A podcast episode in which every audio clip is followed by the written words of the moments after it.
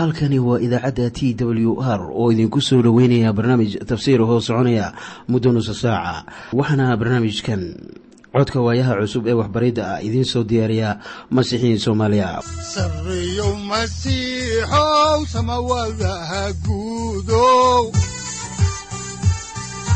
Siraadkii adduunkow subanaha eebow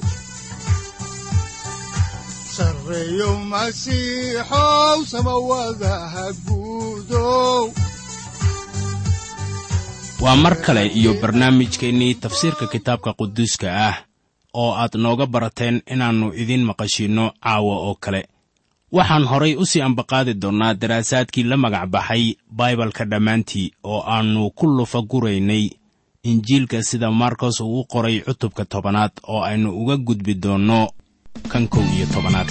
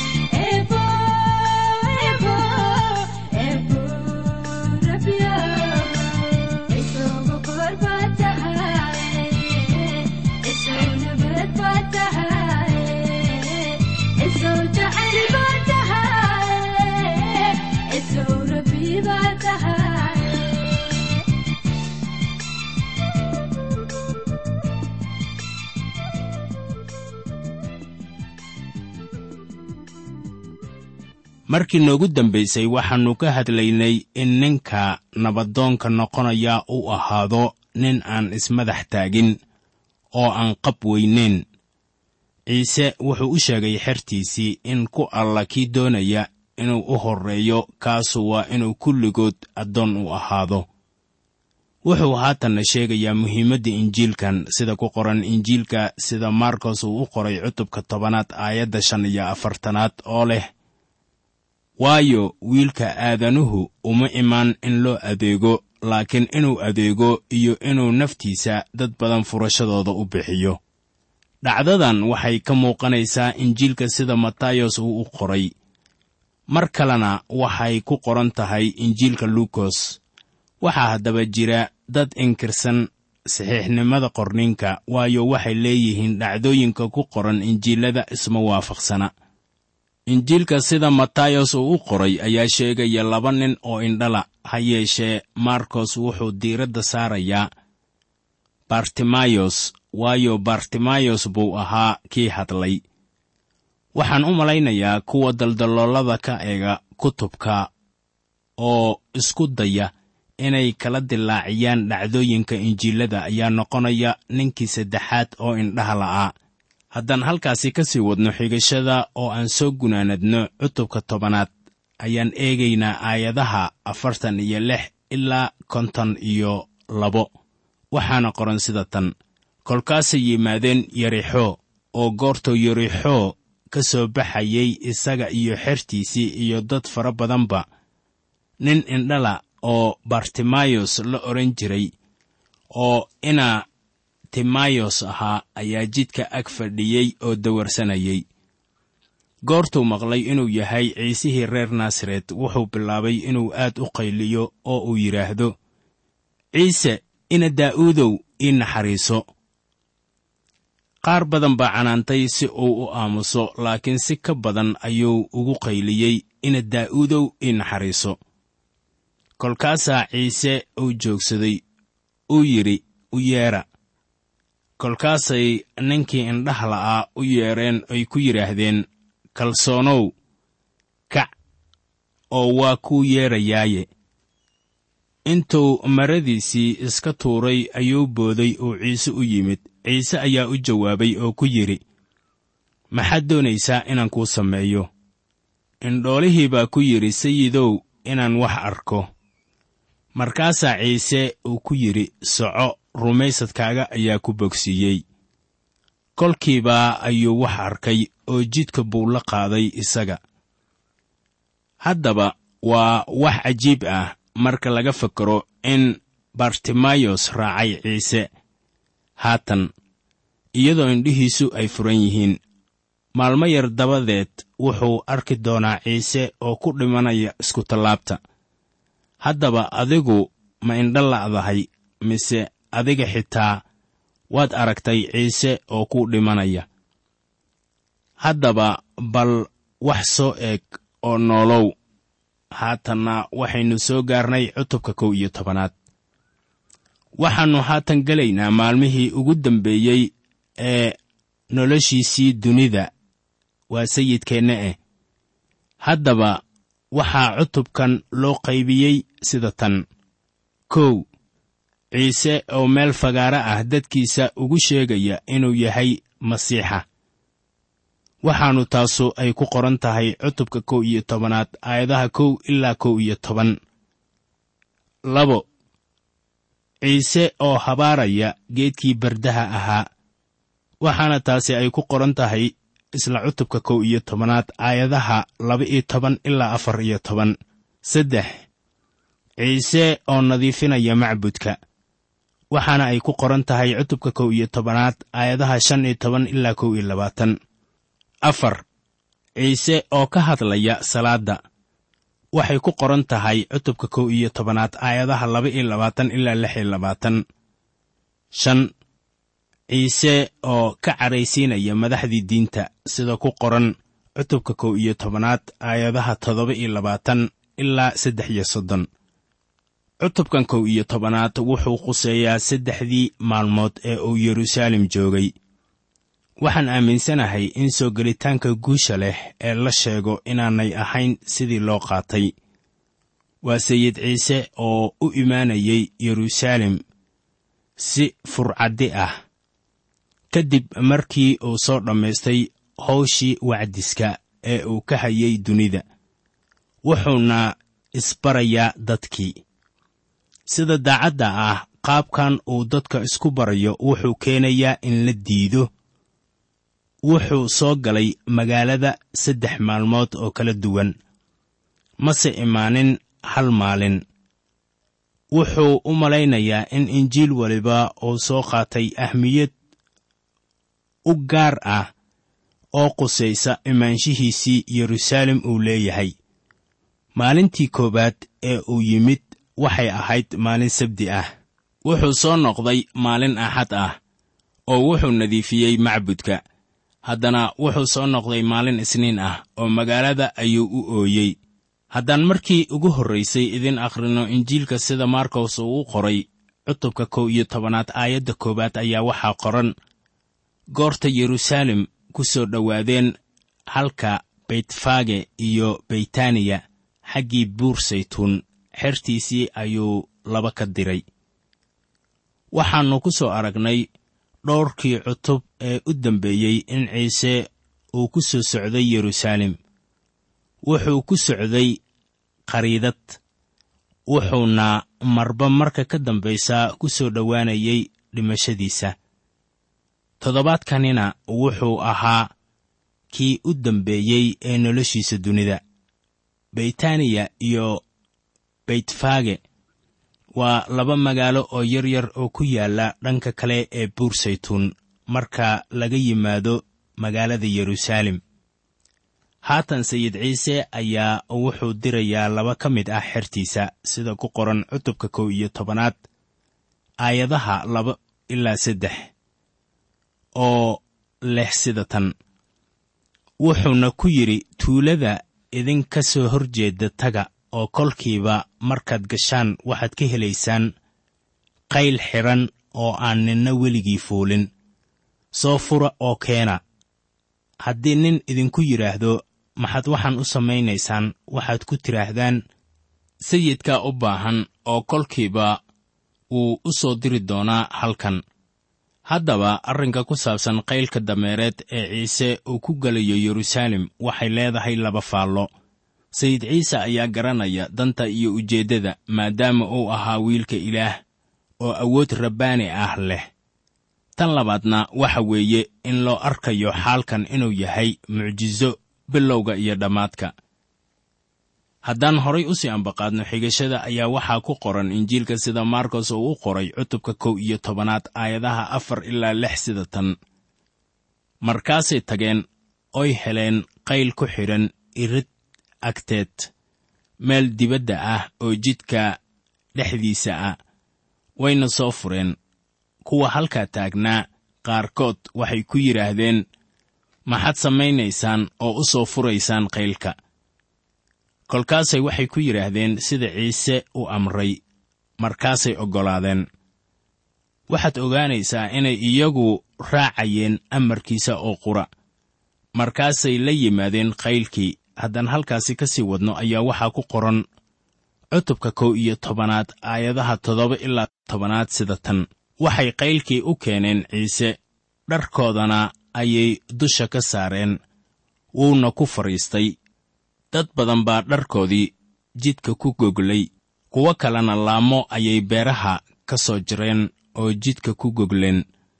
Kuwii hor socday iyo kuwii daba socdayba way qayliyeen oo ay yidhaahdeen hoosaana waxaa barakadaysan kan rabbiga magiciisa ku imaanaya. Waxaan haddaba idin xaqiijinayaa in tanu ay ku noqotay wax la yaab leh dadkii yeruusaalem haddaan dib ugu noqonno xigashada ayaa waxaa ku qoran injiilka sida maarkos uu u qoray cutubka kow iyo tobanaad aayadda kow iyo tobanaad sida tan. Markaasaa ciise yeruusaalem yimid oo galay macbudka goortuu hareeraha iyo wax walbaba eegay. Oo gabbalkiina dhacay ayuu beytaaniya laba iyo tobankii ula baxay. Haddaba waxaa jiray laba shay halkan kuwaasoo ay ahmiyad ballaaran tahay inaan aragno. Waxay dhab ahaan ahayd maalin sabdi ah kuwii lacagaha sarrifi jiray iyo dibiyadii laga iibsan jiray halkaas ma ayan joogin maalintan koowaad wuxuu u yimid sidii wadaad oo kale isagaana ahaa allabariga. Wuxuu u yimid sidii wadaad sare oo bixinaya allabariga lagu hor aqbalayo ilaah. Dembiyadeenna aawadood. Waxaad kaloo ogaataa inaannu habeennimadii joogin yeruusaalem laakiin wuxuu ku soo noqday fiidkii magaalada beytaaniya. Ciise wuxuu iskeenay magaalada iyadoo meel fagaara ah la joogo wuxuuna dalbanayaa go'aan. Waxaan odhan karaa oo keliya wakhtigii habeennimada ma uusan joogin caasimadan diidday isaga. Haddaan halkii ka sii wadno ayaa waxaa ku qoran injiilka sida maarkos uu u qoray cutubka kow iyo tobanaad aayadaha laba iyo toban ilaa afar iyo toban sida tan. Maalintii dambe markay beytaaniya ka yimaadeen wuu gaajeesnaa. Meel fog wuxuu ka arkay geed berde ah oo caleen leh wuxuu u yimid inuu haddana wax ka helo. Goortuu u yimid waxba kama uu helin. Caleemo keliya maahee waayo wakhtigii berdaha ma ahayn. Ciise baa u jawaabay oo geedkii ku yidhi hadda dabadeed weligaa ninna yow midho kaa cunin. Xertiisiina waa maqashay. Waxaa taa la mid ah ama aan ka soo qaadayaa xaaladaha ka taagan kiniisadaha maanta. Sayid ciise wuxuu habaaray geedkii berdaha ahaa. Geedkiina waa engegay. Haddaan halkaasi idinka akhrinno injiilka ayaa waxaa ku qoran aayadda shan iyo tobanaad ee cutubka kow iyo tobanaad sida tan.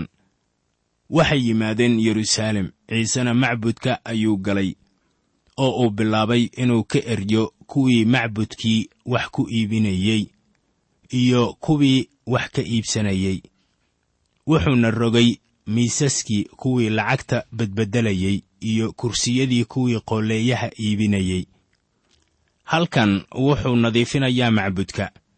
Yooxanaa wuxuu inoo sheegayaa inuu nadiifiyey macbudka bilowgii howsha wacdiskiisa. Haatanna wuxuu nadiifinayaa macbudka. Marka ay soo dhammaanayso howshii wacdiskiisa waxaa tanu ay dhacday maalintii labaad mana aysan ahayn maalin sabdi ah laakiin waxay ahayd maalin axad ah. Kuwii lacagaha beddelayey ayaa haatan waxay joogaan macbudka. Waxay kuraas ku leeyihiin sayladda wax lagu kala iibsado waxaana halkaasi jooga shisheeyayaal badan oo ka yimid waddamo kale. Markaasay beddelanayaan lacagtoodii nimankaas shisheeyaha ahi ma isticmaali karaan lacagtoodan qallaad waxayna doonayaan lacagta macbudka ka socota. Waxaad dhowrtaa inta aad ka arkayso isaga maalin. Marka u yimaado kolka kuwii masiixa raacsanaa oo dhintay horta ay soo kici doonaan.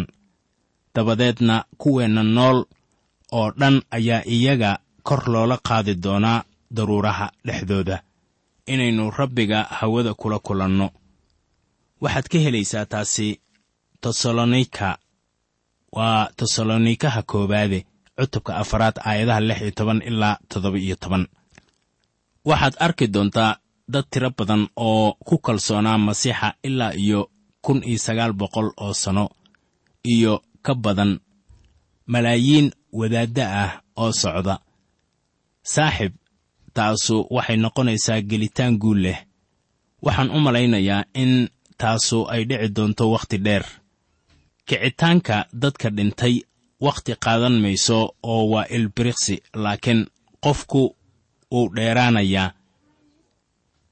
Wuxuu ku hoggaamin doonaa dadkaas meel cusub dhul cusub iyo guryo cusub oo hormo waliba ay degayaan. Ma ahaanayso dayaxa waxaase meeshaasu ay noqonaysaa yeruusaalemta cusub. War maxay taasu leedahay ammaan weyn? Taasu hubaashii waxay noqonaysaa guul. Waxaanse haatan soo gaarnay maalintii saddexaad. Waxaanan eegaynaa injiilka sida maarkos uu u qoray cutubka kow iyo tobanaad aayadaha labaatan ilaa kow iyo labaatan waxaana qoran sida tan. Subaxdii goortay agmarayeen waxay arkeen geedkii bardaha ahaa oo xididada ka angegay. Markaasaa butros uu soo xusuustay oo wuxuu ku yidhi macallinkaygiiyow eeg geedkii bardaha ahaa oo aad habaartay waa engegaye waxay taasu keentay in sayidkeennu uu kala hadlo iyaga wax ku saabsan salaadda ama baryada. Waxay la yaabeen geedkii bardaha ahaa waxayna tanu qasabtay inuu sida ku qoran aayadda laba iyo labaatanaad ku yidhaahdo iyaga. Waxaana qoran sida tan ciise baa u jawaabay oo ku yidhi ilaah rumaysta waa wax xiise leh maaddadan ku taxalluqda. Baryada rumaysadka ee ku timid baaqi butros ee uu ku dareensiinayey sayidka in geedkii uu qallalay. Waxaad arkaysaa tan koowaad ee salaaddu inay tahay in marka hore ilaah la rumaysto warqaddii cibraaniyadda ayaa inoo sheegaysa qaynuun kan la mid ah sida ku qoran cibraaniyada cutubka kow iyo tobanaad aayadda lixaad oo leh oo rumaysad la'aantiis ma suurtoodo in isaga laga farxiyo. Taas aawadeed kan ilaah u yimaadaa waa inuu rumaysto inuu jiro oo uu yahay kan u abaalguda kuwa isaga doondoona haddaba inaad ilaah rumaysad ku qabto ayaa noqonaysa tallaabada koowaad ee lagaa doonayo. Haddaan halkaasi ka sii wadno xigashada ayaa waxaa ku qoran injiilka sida maarkos uu u qoray cutubka kow iyo tobanaad aayadda saddex iyo labaatanaad sida tan. Runtii waxaan idinku leeyahay ku alla kii buurtan ku yidhaahda ruq baddana isku tuur oo aan qalbigiisana ka shakiyin laakiin rumaysta in wuxuu yidhi ay noqonayso waa u ahaan doontaa taas ayaa saaxiib ka ahmiyad wanaagsan in buur la dhaqaajiyo. Taas weeye muhiimaddu waxaana weeye sidaan dareensanahay waxa uu ka hadlayo marka uu ina siinayo fasiraaddan muuqata ee uu inoogu sheegayo waxa salaaddu ay qaban karayso. Haddaan horay u sii ambaqaadno xigashada ayaa waxaa ku qoran injiilka sida markos uu u qoray cutubka kow iyo tobanaad aayadda afar iyo labaatanaad sida tan sidaa darteed waxaan idinku leeyahay wax kasta oo aad tukasho ku baridaan rumaysta inaad hesheen oo way idin ahaan doontaa. Marka la leeyahay rumaysad lahaada ayaanay ka dhigneen inaad helayso wixii qalbigaagu uu doonayo oo dhan laakiin waa inaad rumaysad ku lahaataa ilaah si doonistiisa looga sameeyo noloshaada. Haddaan halkaasi ka sii wadno injiilka sida markos uu u qoray ayaan eegaynaa cutubka kow iyo tobanaad aayadaha shan iyo labaatan ilaa lix iyo labaatan waxaana qoran sida tan. Oo kolka tukasho u taagan tihiin cafiya haddii aad dad wax ku leedihiin si aabbihiinna jannada ku jiraa xumaantiinna idinka cafiyo. Haddii aanad cafiyin aabbihiinna jannada ku jira xumaantiinna idin cafiyi maayo waxaa halkan yaalla shuruud la doonayo in qofku uu buuxiyo ka hor intaan salaaddiisa la maqal oo aan laga jawaabin. Qofka aan wax cafiyin wuxuu caqabad ku noqonayaa salaaddaas intaa la gartaana waa muhiim. Ilaah wuxuu inagu cafiyey masiixa aawadiis sida ku qoran warqaddii rasuul bawlos uu u qoray dadka efesos cutubka afaraad aayadda laba iyo soddonaad sidaas weeye sida laynagu badbaadiyo. Laakiin haddii aniga iyo adiga aynu doonayno inaan awood nololeed lahaanno waa inaan wax cafinnaa taasuna waa muhiim. Haatan waxaan arkaynaa wadaadka sare oo imaanaya si uu dabin ugu dhigo ciise. Haddaan halkaasi ka sii wadno injiilka ayaa waxaa ku qoran cutubka kow iyo tobanaad aayadaha toddoba iyo labaatan ilaa siddeed iyo labaatan sida tan. Mar kale ayay yeruusaalem yimaadeen oo goortuu macbudkii dhex marayey waxaa u yimid wadaaddadii sare iyo culimmadii iyo waayeelladii. Markaasay waxay ku yidhaahdeen amarkeebaad waxaan ku samaysaa. Yaa amarkan ku siiyey inaad waxaan ku samayso. Weli way daba socdaan soo arki maysid. Oo aad bay u necab yihiin. Meel waliba ee uu aado. Way kaga hor imaanayaan waxay haatan ku haystaan awooddiisa. Nimankanu waxay ahaayeen madaxdii diinta oo ah saraakiisha matalaysa diinta wakhtigoodii. Markaana iyagu wax awood ah ma ayan siinin. Sababta aawadeed waxay doonayaan inay ogaadaan halka uu ka helay awooddiisa. Haddaan horay u sii ambaqaadno kitaabka ayaa waxaa ku qoran injiilka sida markos uu u qoray cutubka kow iyo tobanaad aayadaha sagaal iyo labaatan ilaa soddon sida tan. Ciise ayaa u jawaabay oo ku yidhi aniguna hal baan idin weydinayaa ee ii jawaaba. Waanan idiin sheegi doonaa amarka aan waxaan ku sameeyo. Baabtiiska yooxanaa ma wuxuu ka yimid xagga jannada mise dadka? ii jawaaba. Haddaan halkaa ka sii wadno xigashada ayaan haatan soo gebagabaynaynaa cutubka kow iyo tobanaad ee injiilka sida markos uu u qoray. Waa aayadaha kow iyo soddon ilaa saddex iyo soddon waxaana qoran sida tan. Dhexdooda ayay iskala hadleen iyagoo leh wuxuu inagu odhanayaa haddaba maxaad u rumaysan weydeen. Laakiin haddii aynu nidhaahno xagga dadka ayuu ka yimid. Dadkay ka baqeen waayo kulli waxay u haysteen yooxanaa inuu nebi yahay. Markaasay ciise u jawaabeen oo ay ku yidhaahdeen garan mayno. Ciisena wuxuu ku yidhi aniguna idiin sheegi maayo amarka aan waxaan ku sameeyo. Dhegaystayaal iminka waxaynu soo gaarnay cutubka laba iyo tobanaad waxaad ogaataa in cutubkan iyo cutubyada kale ee ka dambeeya aanay lahayn wax mucjiso ah. Waxaan idiin sheegay in injiilka markos uu yahay injiil ficil ah oo adkaynaya mucjisooyin haddaba tusaalahaas waxay u ekaanaysaa in ficilka uu haatan soo dhammaanayo. Sida daacadda ah haatan waxaa jira degganaan ka hor intaannu qaaquul ku imaanin. Haddaan markii ugu horraysay idiin bilowna xigashada cutubkan laba iyo tobanaad ee injiilka sida markos ugu qoray ayaa waxaa ku qoran aayadda koowaad sida tan. Markaasuu wuxuu bilaabay inuu masaallo kula hadlo iyaga. Nin baa wuxuu beertay beer canab ah oo ood ku heeraaray. Dabadeedna god macsareed ka dhex qoday oo munaarad ka dhisay oo niman beerrey ah u kiraystay oo dal kala tegey haatan wuxuu bixinayaa masaal uu kula hadlayo hoggaamiyaashii diinta ee wakhtigiisa. Haddaan xigashada halkeedii ka sii wadno aayadaha laba ilaa laba iyo toban ayaa waxaa qoran sida tan. Goortii xilligii yimid ayuu addoon u soo diray beerraydii inuu beerraydii midhihiisa beerta ka soo qaado. Markaasay qabteen oo ay garaaceen oo waxla'aan ku direen. Haddana addoon kale ayuu u soo diray. Kaasay dakhreen oo ay ceebeeyeen. Haddana mid kale ayuu u soo diray. Wayna dileen oo qaar kale oo badan ayuu diray. Qaar waa la garaacay qaarna waa la dilay. Weliba wuxuu lahaa wiil keliya ee uu jeclaa. Kolkii ugu dambaysay ayuu u soo diray isagii oo wuxuu yidhi wiilkayga way maamuusi doonaan laakiin beerraydii waxay isku yidhaahdeen kanu waa kii dhaxalka lahaa. Kaalaya aan dilne dhaxalkiina innagaa lahaan doonna. Way qabteen wayna dileen oo beertii canabka ahayd dibaddeeda ku tuureen. Haddaba sayidkii beerta canabka lahaa muxuu samayn doonaa? Wuu imaan doonaa oo beerrayda dili doonaa?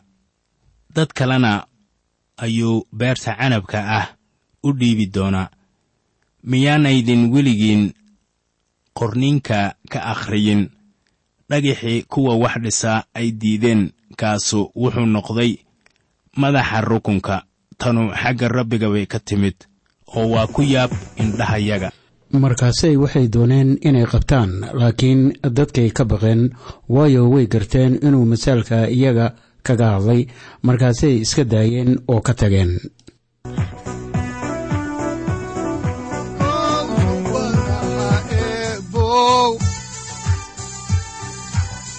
Adigoo samaada jiro ifkan soo saldhiganba adigoo samaada jiro ifkan soo saldhiganba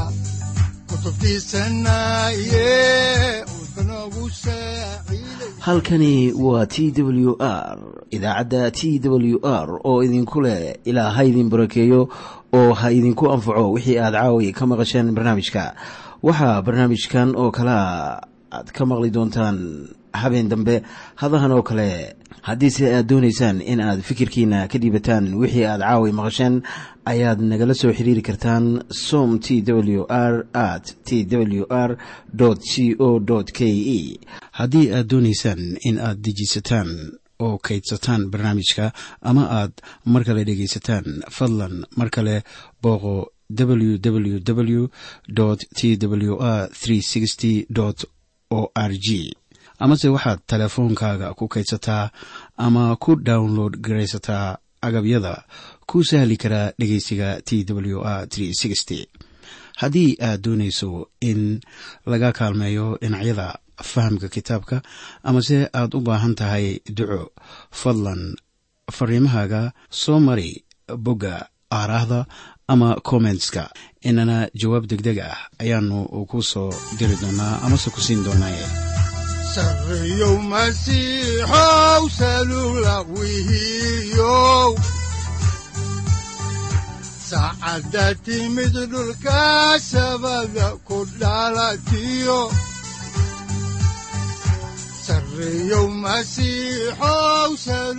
halkani waa t w r oo idiin rajaynaya habeen baraare iyo barwaaqaba leh inta aynu ka gaari doono wakhti aynu ku kulanno barnaamij la mida kan caawayay aad maqasheen.